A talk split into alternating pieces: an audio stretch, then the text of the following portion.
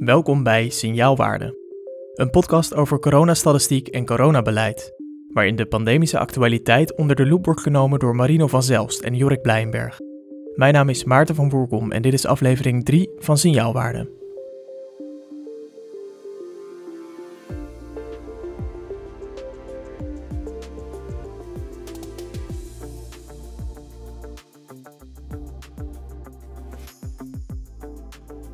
Goeiedag en welkom. Het is vandaag 4 februari 2021 en dat is dag 344 van de coronapandemie. Zoals, al, uh, zoals ik net op jouw uh, Twitterpagina, Jorik.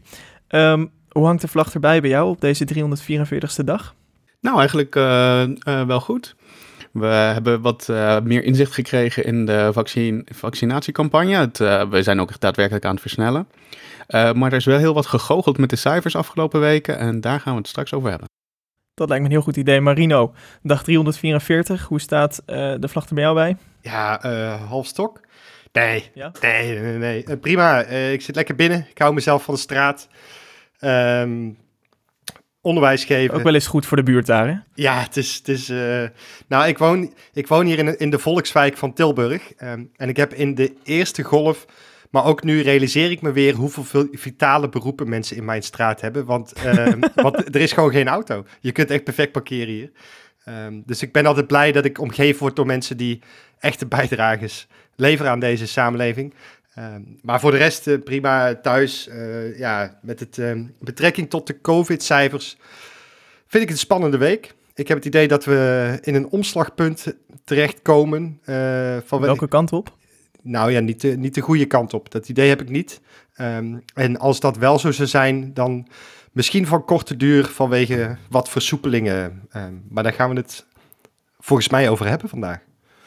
Dat is zeker de planning. Ik zal even uh, de routekaart doornemen van deze podcast vandaag. Um, want er is inderdaad een hoop gezegd en een hoop geschreven afgelopen week. Uh, daarbij ook een hoop uh, cijfers genoemd. Dus we hebben een hoop te bespreken. Daar komt het eigenlijk op neer. We gaan het hebben over vaccineren. Jorik, dat hou jij natuurlijk allemaal zorgvuldig bij en daar was veel over te doen.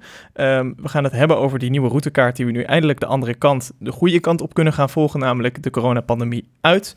Hopelijk staan we ook ja, op de juiste coördinaten daarvoor. Um, we gaan het hebben over het RIVM-weekrapport en het OMT-advies. En dan uh, ja, kunnen we natuurlijk niet om, die Britse, de B117-variant heen. Um, veel luisteraars hebben ook weer vragen ingestuurd. Dankjewel daarvoor. Uh, was vorige week ook ontzettend leuk in de aflevering met Mark Bonte. Heb je die nog niet geluisterd? Doe dat dan. En dan wilde ik eigenlijk meteen van start gaan met de actualiteit. We hadden het al even over dag 344. Um, vind ik een mooi cijfer. Maar Marino, is er voor jou een numeriek kenmerk van de actualiteit? Ja, um, nul. En dan heb je het over het aantal besmettingen?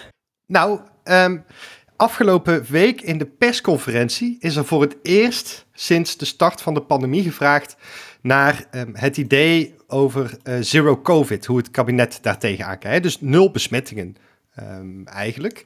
En uh, dat heeft bijna, bijna een jaar geduurd voordat iemand uh, daar een keer een vraag over stelde. En dan zero covid, dan moeten we denken bijvoorbeeld aan Nieuw-Zeeland. Nieuw-Zeeland, uh, Australië, Taiwan. Er zijn best wel wat landen die, die zero covid expliciet nastreven en waar het ook succesvol lukt. Ja. Oké, okay, dus je hebt zero covid, dat is dus het nastreven van um, nou ja, nul covid-patiënten in je land. Um, wat, wat staat er nou nog naast en wat staat er bijvoorbeeld tegenover aan andere strategieën die je kunt volgen? Ja, dus je hebt zeg maar uh, eradicatie, dus dan is het van de aardbodem verdwenen. Dat hebben we met polio wild type 2 uh, gedaan bijvoorbeeld. Je hebt eliminatie, dat is binnen je eigen land eigenlijk, hè, dus wat Nieuw-Zeeland doet. Um, dan heb je uh, mitigatie, dat is wat wij in de praktijk doen. En um, dan heb je zeg maar het nastreven van groepsimmuniteit. Dus dat je het gewoon um, eigenlijk infectie stimuleert bij mensen die er niet zoveel last van zouden hebben. Uh, maar dat is een strategie die eigenlijk, um, ja, Brazilië misschien, weet je wel, daarbuiten wordt dat niet gedaan. Maar er zijn wel groepen die daarvoor pleiten natuurlijk. En jij noemt mitigatie als uh, wat wij in de praktijk doen. Ja, dus mitigatie is het sturen op zorgcapaciteit. Dus dat je het laat gebeuren totdat de zorg het niet meer aan kan. En dan trap je, trap je op de rem en dan krijg je van die yo-yo lockdowns. Nou, dat is eigenlijk wat wij hebben gedaan. Zeg maar. De yo-yo lockdowns. Oké, en uh, zag je dat ook terug afgelopen week in de persconferentie, Jorik? Nou, wat wij in de persconferentie. Nou, ik heb een aantal dingen gezien. Uh, het is voor het eerst dat een journalist daadwerkelijk ook vroeg aan de premier: van gaan we naar zero COVID toe? Oftewel, wordt ons doel ook om het aantal besmettingen terug te brengen uh, zo dicht naar nul of zo dicht mogelijk daarbij? Um, maar het antwoord wat de premier daarop gaf, was niet helemaal. Het beleid wat hij daarbij aan koppelde, was niet helemaal uh, in lijn met, met, met die gedachte.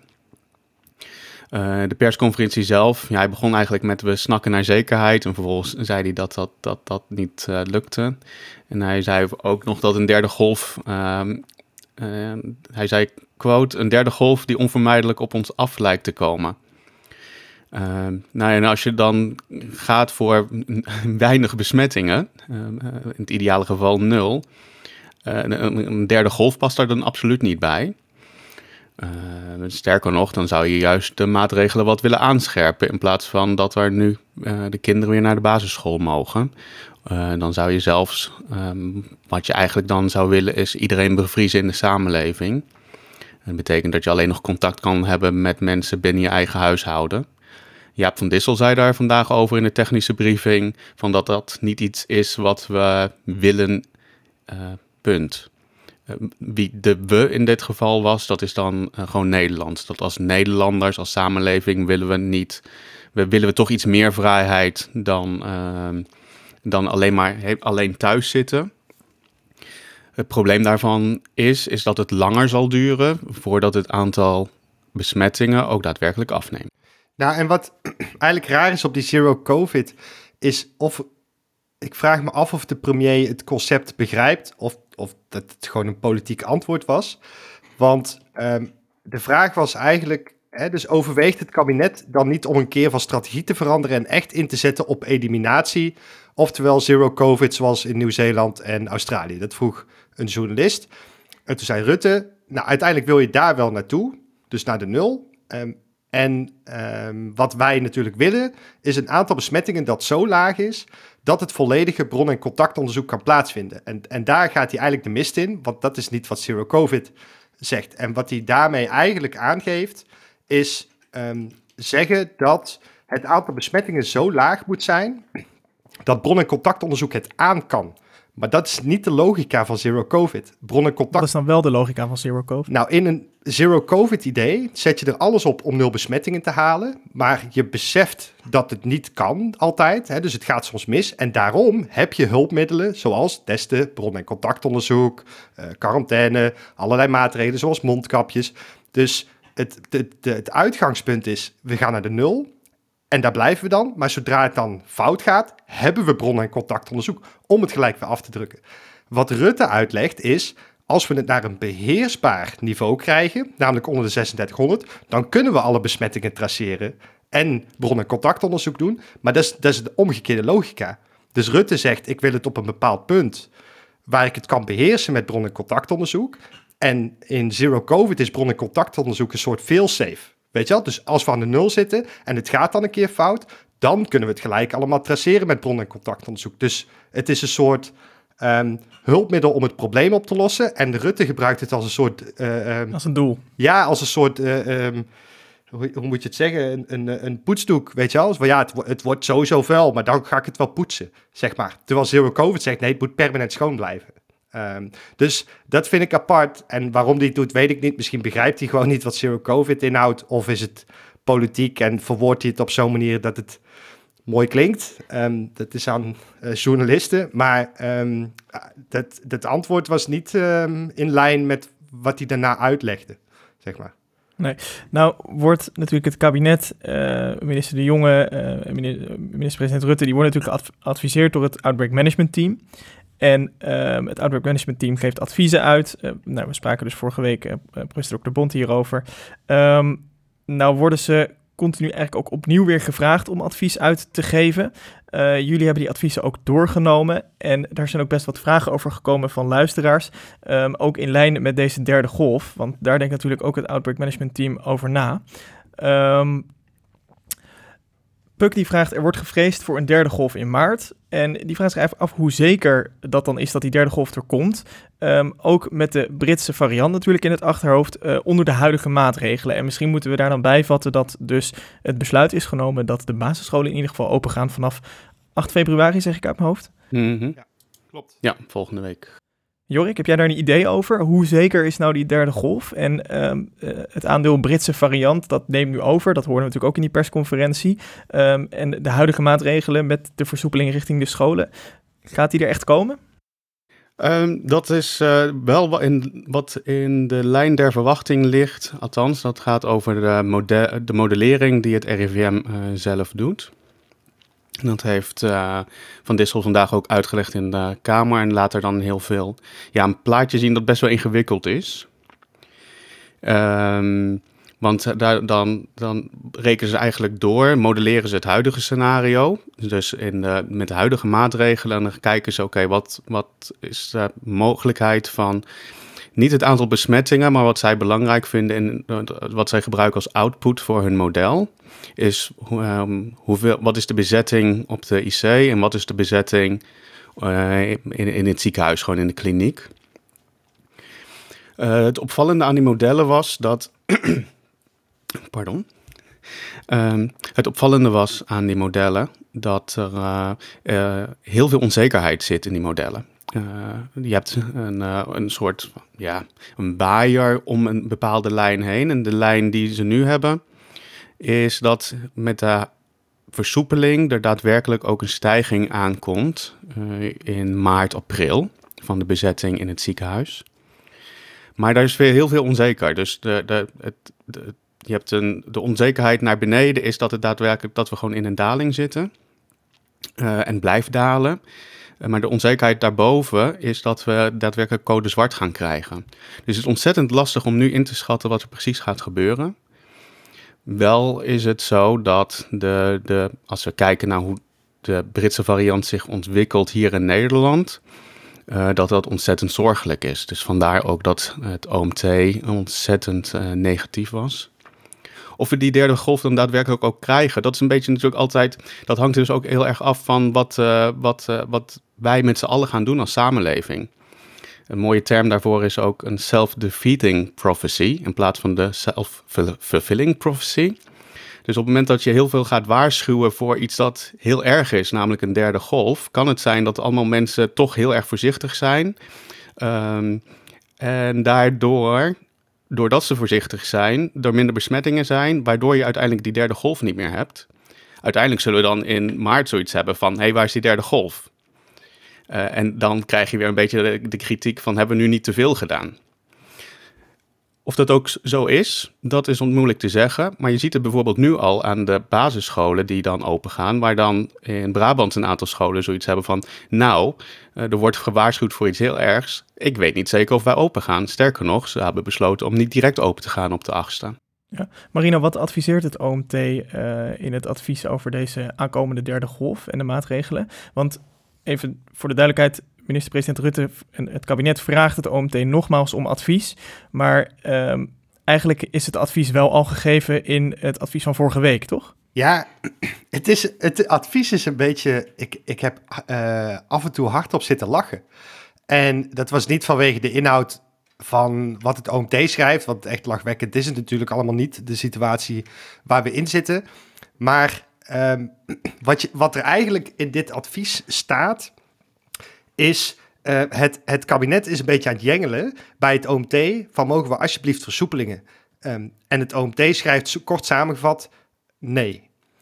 Um, dus er zijn meerdere, er is eigenlijk een tweedelig advies gekomen, waarbij er een deel gaat over het uh, onderzoek in Land waar Jorik net over schreef, en eigenlijk het stuk over scholen. Dus dat is, dat is deel 1. En, en kun je nou eigenlijk uh, de basisscholen openen en wat zijn de consequenties uh, als dat gebeurt?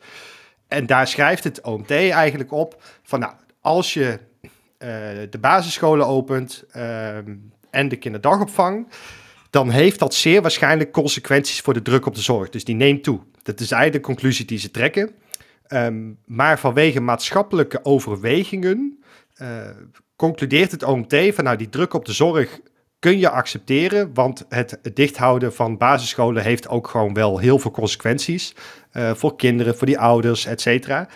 En die afweging zou je kunnen maken. Daar is niet het gehele OMT mee eens, want ze hebben deze keer expliciet gezegd dat sommige OMT-leden zeiden, dit moet je niet doen. Uh, maar in meerderheid konden ze zich hierin vinden.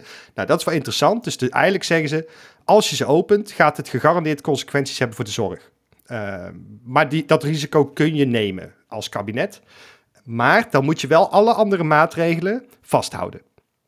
Dus voor de rest moet je niet versoepelen. Het tweede deel van het advies staat eigenlijk uh, de vraag van het kabinet: ja, maar, maar mogen we alsjeblieft versoepelen? En kunnen jullie aangeven in welke volgorde we dan die versoepelingen um, gaan doen? En daarop zegt het OMT eigenlijk nee. En we weten ook niet in welke volgorde je moet versoepelen, want uh, het zijn altijd bundels van maatregelen. En wat jullie vragen is, als we nou aan dit kleine knopje draaien, wat gebeurt er dan? En dit kleine knopje draaien, wat gebeurt er dan? Ja, daar is niet te modelleren. Uh, want je, hè, je doet altijd dingen bij elkaar. Dus je opent en de basisscholen en de kinderdagopvang. En we doen de click en collect. Hè, dus het uh, bestellen en ophalen. Doen we allemaal tegelijk. Dus het is een bundel van drie dingen. Ja, het OMT zegt gewoon, dit, dit, is, dit, kan niet, dit kun je niet berekenen. Uh, en dat, snap ik. Dus het is interessant dat het OMT eigenlijk de vorige keer heeft gezegd... je moet niet versoepelen. En nu komt het kabinet met de vraag, kunnen we versoepelen? En dan zegt het OMT, ja, dat kan natuurlijk niet. Uh, en daarnaast vragen ze: uh, kunt u zeggen of de avondklok afgeschaft kan worden? En dan zeggen ze expliciet in de brief: dat ding is er pas zes dagen. Dus nee, dat kunnen we niet. dus wacht even twee weken. Um, en nu heeft het kabinet in de persconferentie aangekondigd. Dat is dus nadat het OMT-advies is uitgebracht, waarin ze zeggen: nee, wij adviseren geen versoepelingen. Heeft het kabinet gezegd: we vragen het OMT opnieuw om advies of we kunnen versoepelen. Uh, wat, wat heel bizar is. Um, en daar in het Kamerdebat vandaag werd daar ook nog naar gevraagd. Van goh, bent u het OMT niet een beetje aan het overvragen met wanneer kunnen we nu versoepelen? En toen was het antwoord van de premier. Ja, maar de situatie kan snel wijzigen en een mens kan hoop hebben. Uh, ja, het, het, Maar verwacht jij deze week nog um, andere cijfers die misschien het OMT op een ander uh, spoor kunnen zetten? Nee, nee, kijk, want want jij zegt die, die avondklok, dat is uh, nu zes dagen oud. Hè? Dat, tenminste, dat was uh, afgelopen dinsdag zes dagen oud. Als we kijken richting dit weekend, dan um, uh, kijken we misschien wel naar een periode van twee weken. Verwacht je daar dan meer data uit waar het OMT misschien dan toch een ander besluit over kan nemen dan dat ze een week geleden deden? Kijk, de OMT besluit natuurlijk niets. Um, maar het kan zijn... Een ander, een ander advies. Het kan zijn dat het... Goed, een ander advies uitbrengen en dat het kabinet daar anders op zal Ik acteren. vermoed niet dat het OMT in haar advies komende week gaat schrijven. Uh, wij adviseren om de avondklok op te heffen op basis van de situatie zoals die nu is. Dat verwacht ik niet, omdat we nu constant maatregelen nemen om het zo snel mogelijk te drukken om de klap van die uh, nieuwe varianten op te vangen. Ja, dat, die, die klap moet nog komen. Uh, dus ik vermoed niet dat het OMT gaat zeggen, uh, haal die avondklokken maar af. Ehm, want het is epidemiologisch, is het oké om het te doen. Uh, dat het kabinet het vervolgens misschien toch doet, dat kan. Uh, dat weet ik niet. Dat, tegen de tijd dat deze podcast online staat, komen de eerste, uh, is het eerste informatie gelekt, vermoed ik. Um, maar ik vermoed niet dat het OMT gaat zeggen van precies twee weken nadat we hem ingevoerd hebben, want dat is ongeveer de timing. Dan halen we maar weer af. Dat, nee, dat denk ik niet. Nee, wat ik, wat ik nog niet helemaal begrijp, hè, want um, uh, ook het OMT is dus bang voor die derde golf. Um, Jorik, je hebt dat net goed uitgelegd. Er werd in de persconferentie ook wat over de R-waardes gezegd. Um, en correct me if I'm wrong, maar er werd gezegd dat uh, als we onderscheid maken tussen de, de gewone variant, zeg maar, en dat, ik weet dat dat niet helemaal klopt, maar ik noem het even zo, en de Britse variant, die gewone variant, dat zou dan nu een R-waarde hebben van ergens tussen de 0,8 en 0,9 als ik het goed zeg, uh, waar die Britse variant een R-waarde zou hebben van op de 1,3. Toch zien we een daling die doorzet. Um, en we zien een Britse variant die het overneemt. Dat, dat was ook een vraag van een van onze luisteraars, van Mark Eibema. Kun je die feiten eens, eens bij elkaar uh, neerzetten en hoe werkt dit samen? Ik kan het proberen. En dit wordt een beetje lastig, maar ik, ik ga dit proberen. Er zijn een aantal dingen tegelijkertijd. Ehm, het verhaal van de Britse variant die dominant wordt, is ehm, deels is een schatting op dit moment. Dus we hebben data die we verzamelen omdat we van alle positieve testen uh, draaien we bij een x-aantal. Uh, proberen we uit te vogelen welke variant is het nou. Door middel van kiemsurveillance heet dat. En dat hebben we tot en met week drie. Uh, dus dat is nou, tweeënhalve week geleden. En daar staat dat het in de laatste week, dus week drie, is het uit mijn hoofd bijna 20%. En je kunt dan die trend volgen. En op basis van wat we in het buitenland zien, kun je een soort extrapoleren van hoeveel van die infecties um, die we vandaag hebben, hè, dus op 4 februari, zouden dan de Britse variant zijn. Dat doe je met modellen. En op basis daarvan trekken we nu de conclusie um, dat uh, meer dan de helft op dit moment de Britse variant is. Um, maar dan hebben we het dus over vandaag, zeg maar. Hè? Dus, dus 4 februari. Dat is, dat is het eerste wat je even moet onthouden. Dan hebben we um, daarnaast het R-getal wat over die Britse variant berekend wordt. Dat doen we dus op basis van die kiemsurveillance weer en die modelmatige extrapolatie. En dan zeg je op basis van die kiemsurveillance kun je dus dat R-getal berekenen. Hè? Dus, dus uh, één persoon besmet een x aantal andere mensen. Nou zien we die cijfers op dit moment dalen.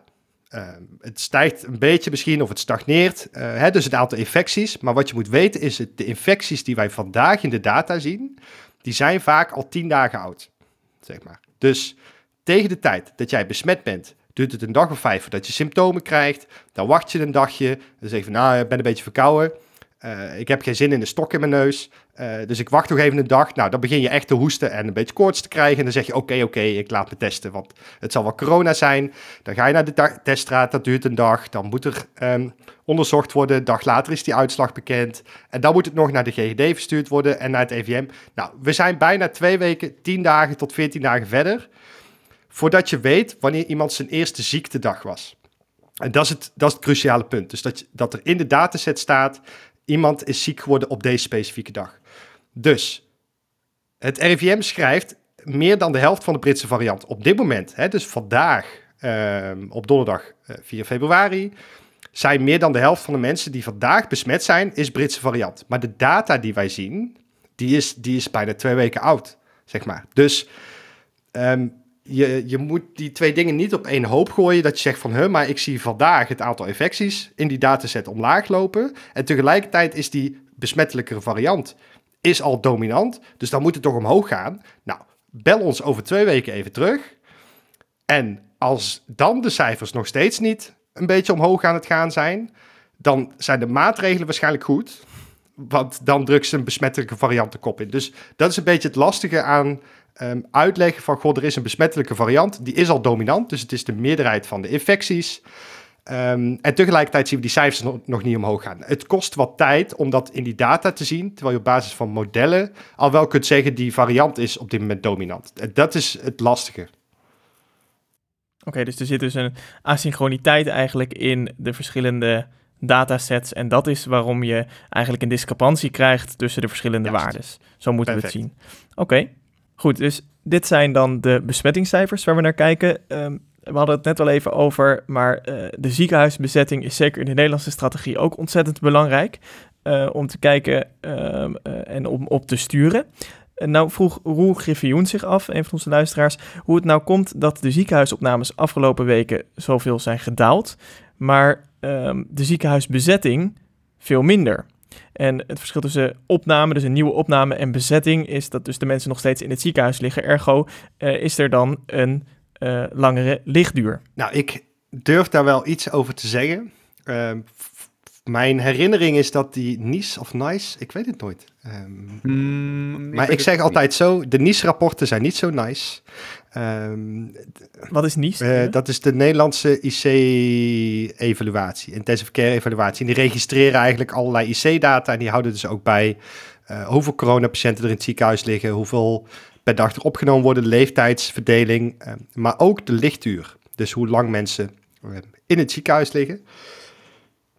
En bij mijn weten is die lichtuur vrij stabiel de laatste tijd. Waarom die bezetting langzamer afneemt, is om de volgende reden.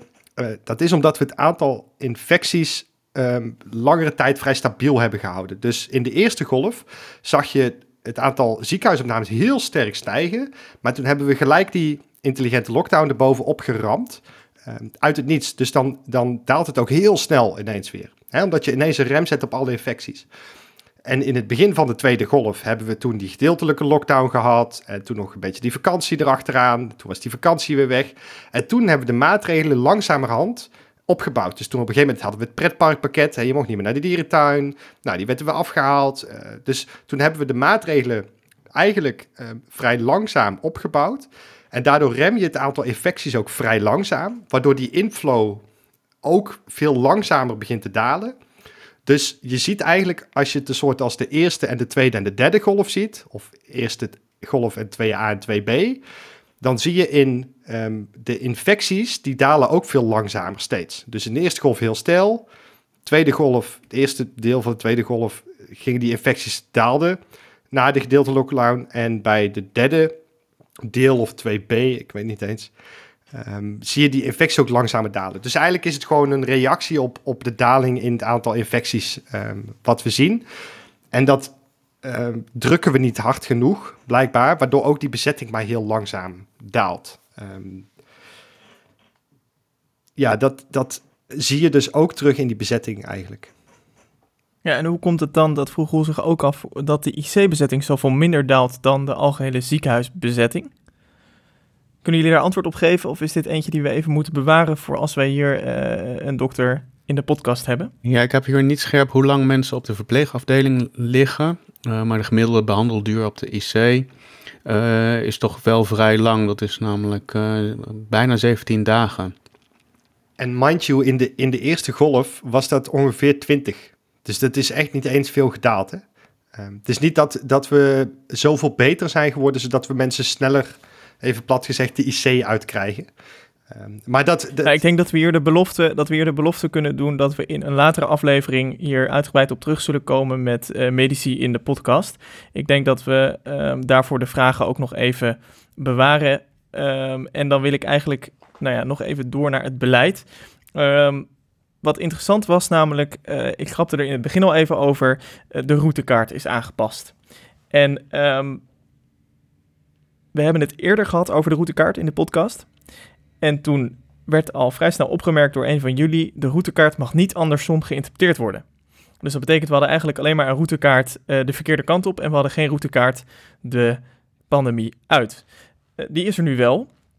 Is dat daadwerkelijk een routekaart die ons perspectief biedt? Of is het vooral het idee dat er iets is dat ons perspectief biedt? Kunnen we hier iets mee? Want meteen nuanceerde de jongen het al in de persconferentie met uh, een routekaart kan altijd worden aangepast en zal ook moeten worden aangepast, want het is een dynamische en ingewikkelde situatie en uh, we weten niet wat het virus doet, et cetera, et cetera, et cetera. Is dit iets waar we iets mee kunnen, die routekaart? Heeft het daadwerkelijk nuttige inhoud of is het meer um, voor de bühne? Ja, kijk, ik vind het wel grappig wat je zegt van, hé, hey, jongens, we kunnen hem aanpassen. Hoe zegt hij dat? We blijven wendbaar in de uitvoering. Um, dat lijkt met de routekaart ook het geval te zijn. Tegelijkertijd zegt hij ook inderdaad, je weet niet wat het virus doet. Ja, dat weet je wel. Het virus besmet mensen. Um, en die routekaart is erop gericht dat we zodra dat uit de hand loopt, dus zodra er meer besmettingen zijn en eigenlijk meer mensen elkaar ziek aan het maken zijn, want dat is wat een besmetting uh, uiteindelijk is, dat we daarop kunnen ingrijpen. En in het begin hebben we altijd uh, gezegd van we, we, moeten er maar één kant op lezen. Dat heeft ook premier Rutte gezegd, uh, minister De Jonge, van hè, je moet hem deze kant op lezen en zodra we op een bepaald niveau zijn, schakelen we die maatregelen in, net zolang totdat we weer op niveau waakzaam zijn. En, en dan begint het feest gewoon opnieuw. Um, en dan hopen we dat we deze keer wel vol kunnen houden. Nou, dat is ook wat bijvoorbeeld de WHO zegt. Uh, hè, dus de WHO heeft bijvoorbeeld gezegd: lockdowns zijn niet een tool om de pandemie te bestrijden. Maar op het moment dat de situatie zodanig uit de hand gelopen is dat het niet meer te controleren is, dan zet je een lockdown in om de handel te resetten. Dus dan druk je dit gelijk terug naar beneden. Dan begin je gewoon opnieuw en dan zorg je dat je het niet meer hoeft te doen. Nou, wat we nu hebben is een de-escalatieroutekaart. Dus dat is de andere kant op. Hè? Dus we zitten in zeer ernstig of ernstig en we gaan alvast versoepelen. Uh, terwijl we nog op het niveau zitten waar we eigenlijk allemaal niet willen zitten. Nou, het kabinet heeft ook het OMT om advies gevraagd hierover. En het OMT adviseert het volgende. Het OMT wil adviseren om maatregelen pas te gaan afschalen als de signaalwaarden van niveau waakzaam zijn bereikt. Dat betekent dat het OMT zegt, een de-escalatieroutekaart kunnen wij niet mee instemmen. Dat is niet ons advies. Ze zeggen daarna ook, dit hebben we ook al eerder gezegd in een ander advies. En we herhalen het. Want, wacht even, voor die signaalwaarde van waakzaam, waar hebben we het dan Nou, over? Waar we het dan over hebben is hè, het aantal positieve testen per 100.000 per regio per week. Dus hoeveel mensen worden er positief getest in een bepaalde regio. Hè? We werken met die veiligheidsregio's per week. Nou, dat moet onder de 35 per ehm 100.000 zijn. Dus dat betekent 5 eh, per 100.000 per dag. Ehm, het aantal, Waar zitten we nu op? Even voor mijn idee. dat weet Jorik uit zijn hoofd. Als het- Nee, ik ik, eh, eh, goede vraag. Ik weet het niet uit mijn hoofd, maar ik kan het hier wel eh, direct voor u opzoeken. Ehm, ja, we, we zitten nu nog ergens in het niveau ernstig. Om naar niveau zorgelijk toe te gaan, moeten we naar 100 per 100.000 per week. En dat betekent per dag, dat is 200, nee, 2500. En voor het niveau waakzaam zit je dan per dag op eh, 875 besmettingen. Dus 875 besmettingen per dag. En vandaag Dat is voor waakzaam en vandaag zitten we op het aantal besmettingen. eh, 4200 en een mm, beetje, volgens mij. Ja, Dus we, we zijn, kijk, te veel. veel te veel. We zijn er nog lang niet. Nou, we hebben nog meer ehm, signaalwaardes. Daar gaat deze podcast uiteraard over. Namelijk ook het aantal ziekenhuisopnames, inclusief de IC, per 1 miljoen inwoners per regio per week. Dat moet onder de 4 komen. Dus dat betekent dat je onder de 68 opnames eh, per week moet zitten als je Nederland als geheel ehm, zou zien. Nou, daar zijn we ook nog lang niet, want we tikken nog steeds de 200 per dag aan. Ehm, IC-opnames moeten landelijk per dag onder de 3 zitten. En ziekenhuisopnames ehm, moeten landelijk per dag onder de 12 ehm, zitten. ja, eh, daar, is- daar zijn we nog lang niet, zeg maar. En wat we nu krijgen is dus met die routekaart, die dus twee kanten op begint te werken, is dat we gaan differentiëren. Dus dat betekent als we helemaal op nul zouden beginnen, dan, eh, en het begint dan te stijgen, dan zou je bij 35 eh, positieve tests per 100.000 per week, als je daar overheen gaat, dan gaan we naar niveau zorgelijk. Dus dat is niveau 2. En bij het aantal ziekenhuisopnames, zodra we over de 4 per 1 miljoen inwoners gaan, dan schakelen we over van waakzaam naar zorgelijk. De de-escalatiekaart zegt, zodra we op 12 ziekenhuisopnames per dag zitten, dan kunnen we van zorgelijk weer terug naar waakzaam. Dus, dus ze werken ook niet, het is niet één op één terug en, en terug uit, zeg maar. Ehm, de, de logica werkt ook anders. Het is vrij lastig om te lezen. Wat ik interessant vond, is dat het kabinet eigenlijk zegt, we willen een de-escalatieroutekaart. Het OMT heeft eerder gezegd, nou, ehm, kort samengevat is dit niet te adviseren. Waarom is dat? Omdat je als je terug uitloopt in de, in de eh, routekaart, dan zit je dus ook in een epidemie die af aan het zak is. Hè? Dus het aantal besmettingen daalt, het aantal ziekenhuisopnames daalt, maar het ziekenhuis ligt nog wel vol. Dus je komt vanuit een situatie waarin de toestand in de zorg nog steeds kritiek is, dan gaat het beter en dan gaat het naar beneden. Maar als je dan al begint te versoepelen en het schiet verkeerd, dan ligt het ziekenhuis nog steeds best wel vol. Net zoals nu dus het geval is. En dat, zegt het OMT, is eigenlijk een strategie die je... Het risico moet je niet lopen. Nou, ik vind dat eh, zeer verstandig. En het OMT noemt dat dus ook een yo-yo-effect. Dus het OMT zegt eigenlijk die routekaart terug ehm, is te voorbarig en daar kunnen we eigenlijk eh, nog niet aan starten.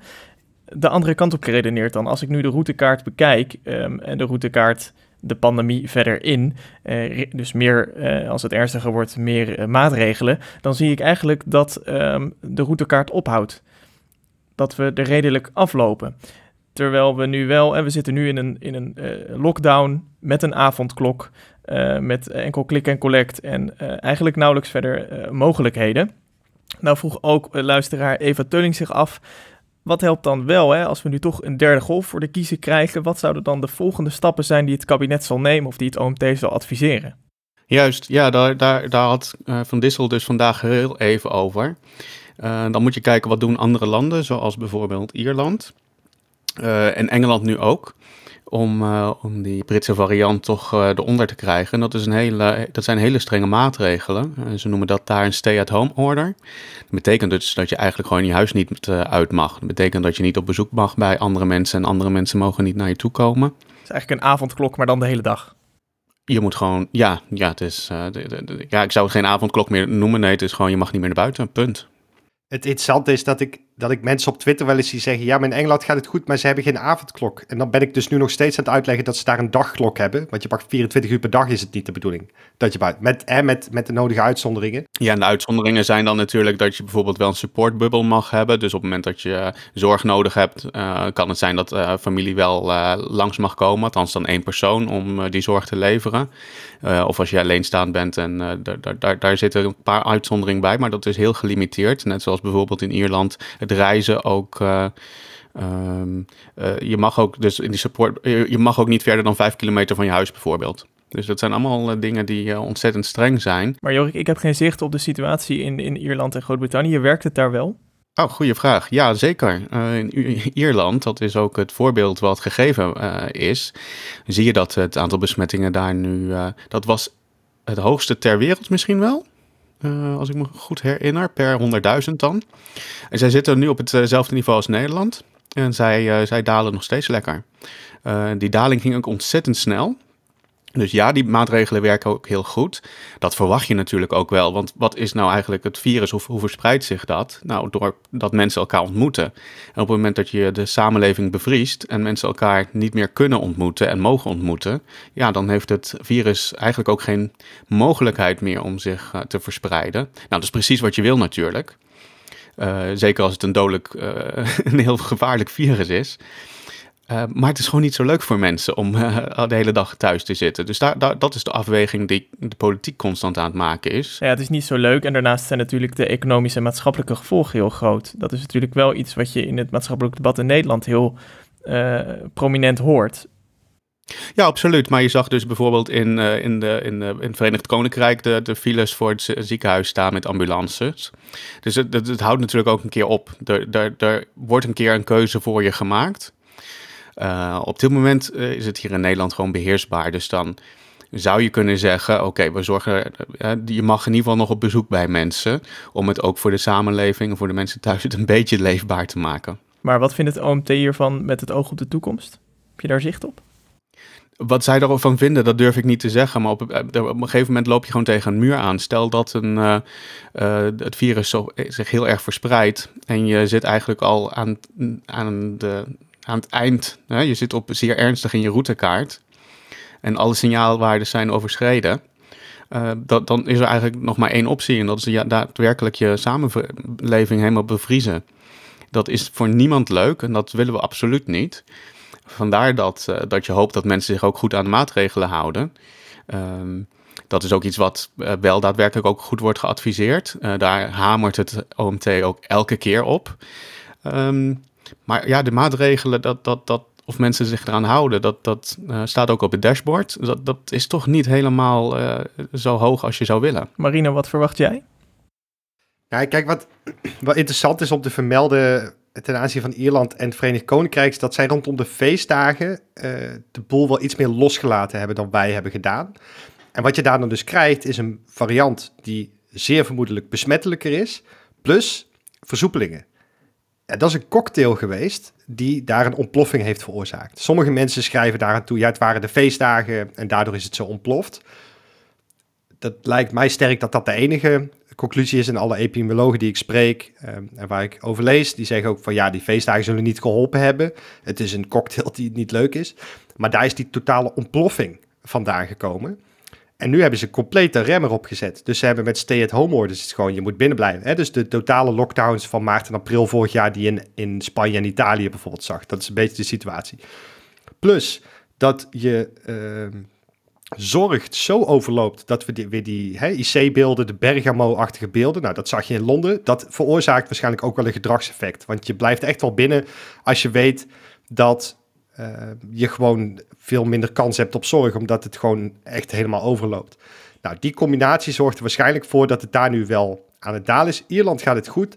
Ik ben zelf over het Verenigd Koninkrijk nog minder optimistisch, want als je een beetje door zit te rekenen, komen ze op een R van, nou zeg eens wat, 0,85 ongeveer. En dat is dus met een totale lockdown plus serieuze, uh, zeg maar, hè, de Bergamo TV, noem ik het maar even. En dan haal je een R van 0,85, terwijl wij vorig jaar een R van 0,7 wisten te halen met een intelligente lockdown.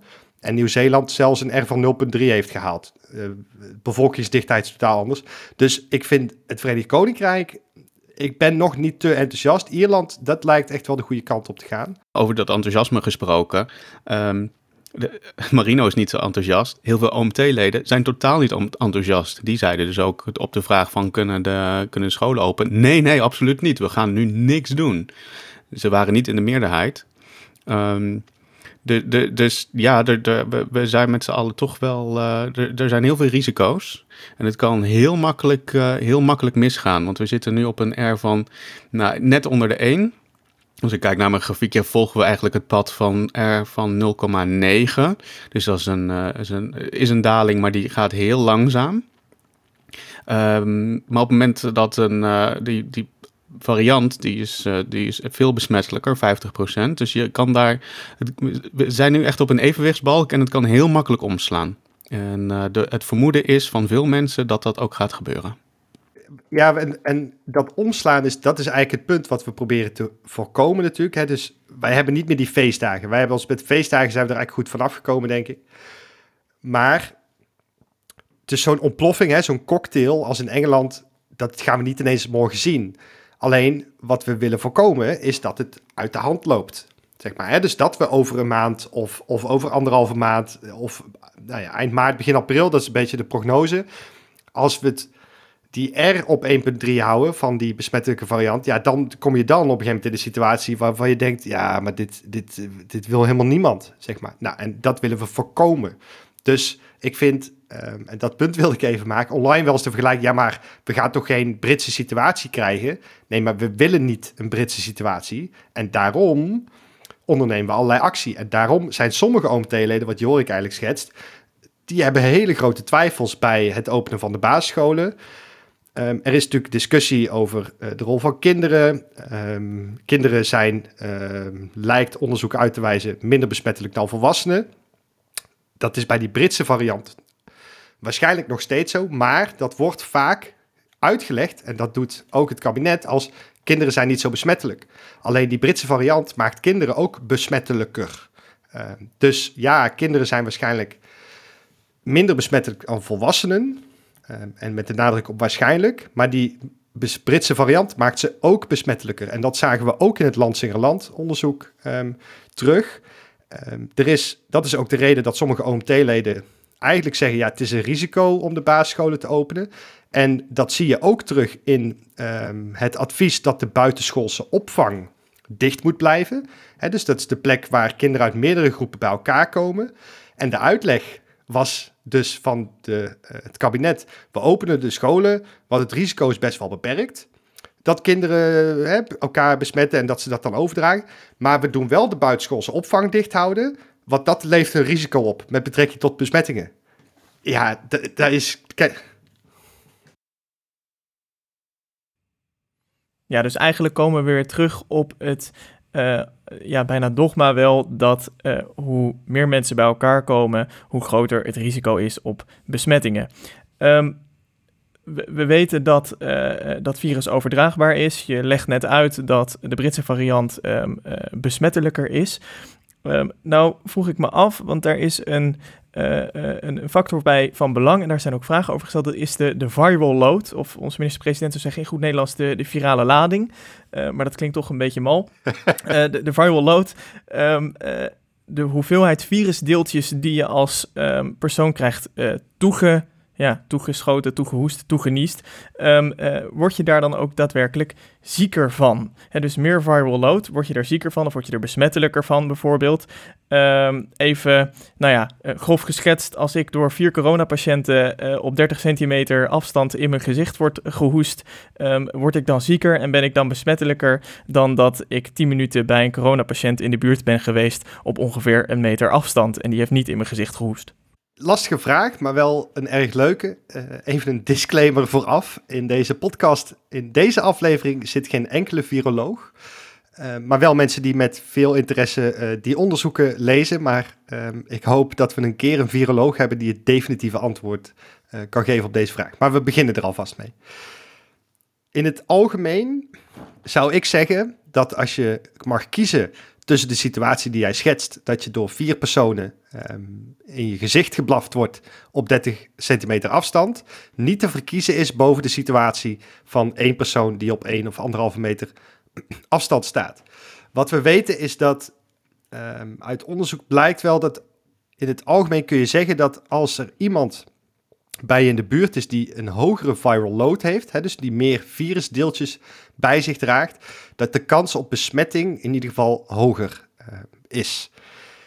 Daarnaast um, lijkt het erop, maar daar is volgens mij nog best wel wat onduidelijkheid over. Um, als je door meer virusdeeltjes tegelijk binnen te krijgen, dat je dan ook zieker kunt worden. Dat lijkt er volgens mij wel op, maar daar is iets meer onduidelijkheid over. Maar in het algemeen is het gewoon te adviseren, blijf uit de buurt van mensen die besmet zijn. En zeker uit de buurt van mensen die ontzettend veel virusdeeltjes bij zich dragen. Dat is ook de reden natuurlijk dat we weten dat symptomatische patiënten, hè, dus mensen die klachten hebben, uh, dat die eigenlijk gevaarlijker zijn voor andere mensen, dus sneller andere mensen kunnen besmetten dan bijvoorbeeld asymptomatische patiënten.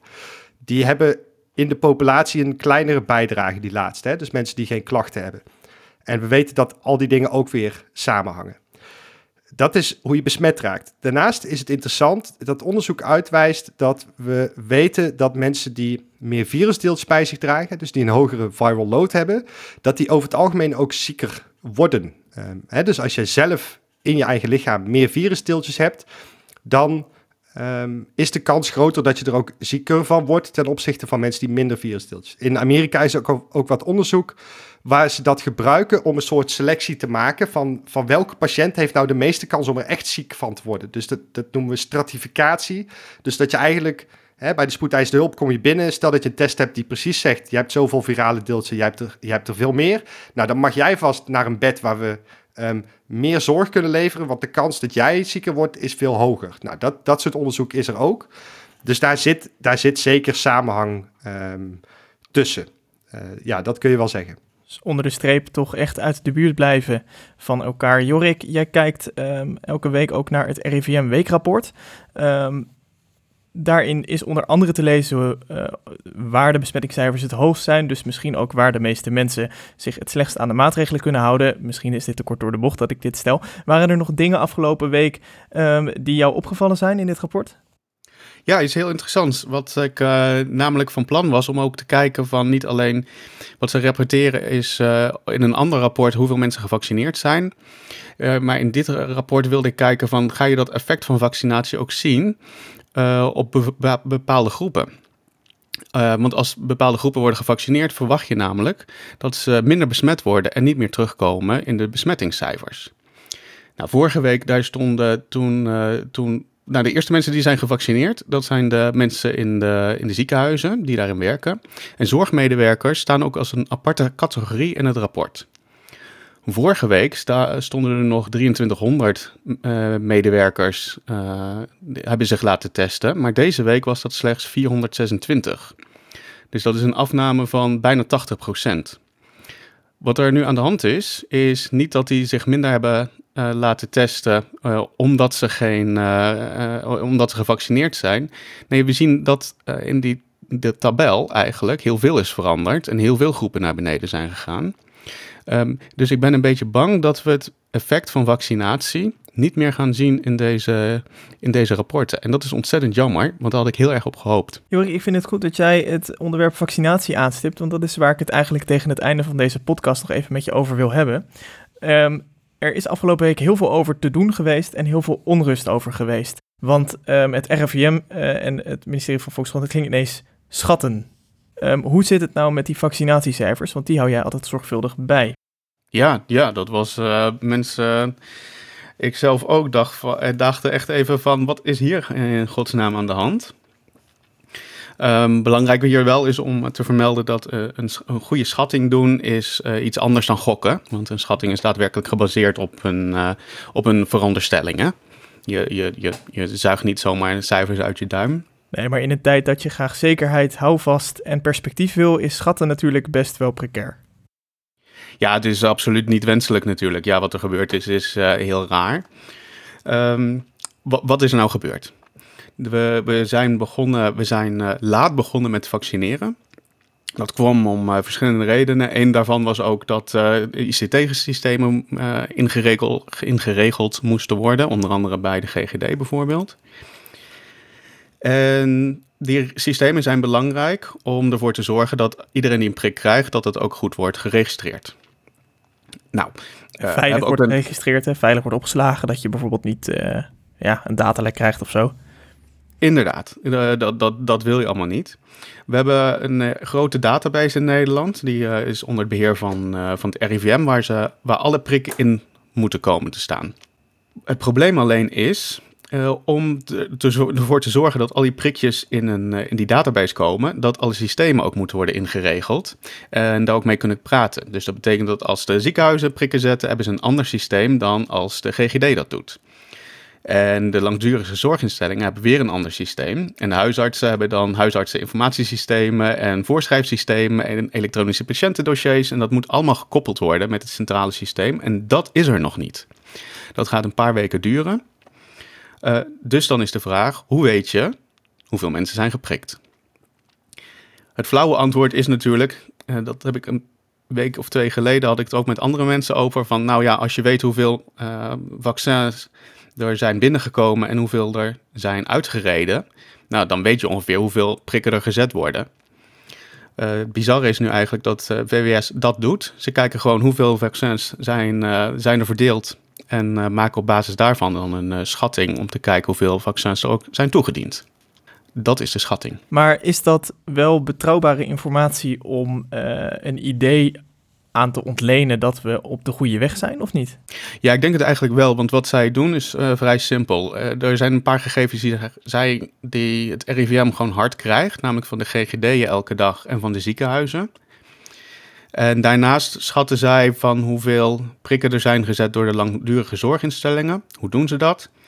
Uh, op het moment dat het vaccin wordt uitgereden en wordt, wordt, wordt verstuurd eigenlijk, gaan zij ervan uit dat dat binnen vier dagen wordt geprikt.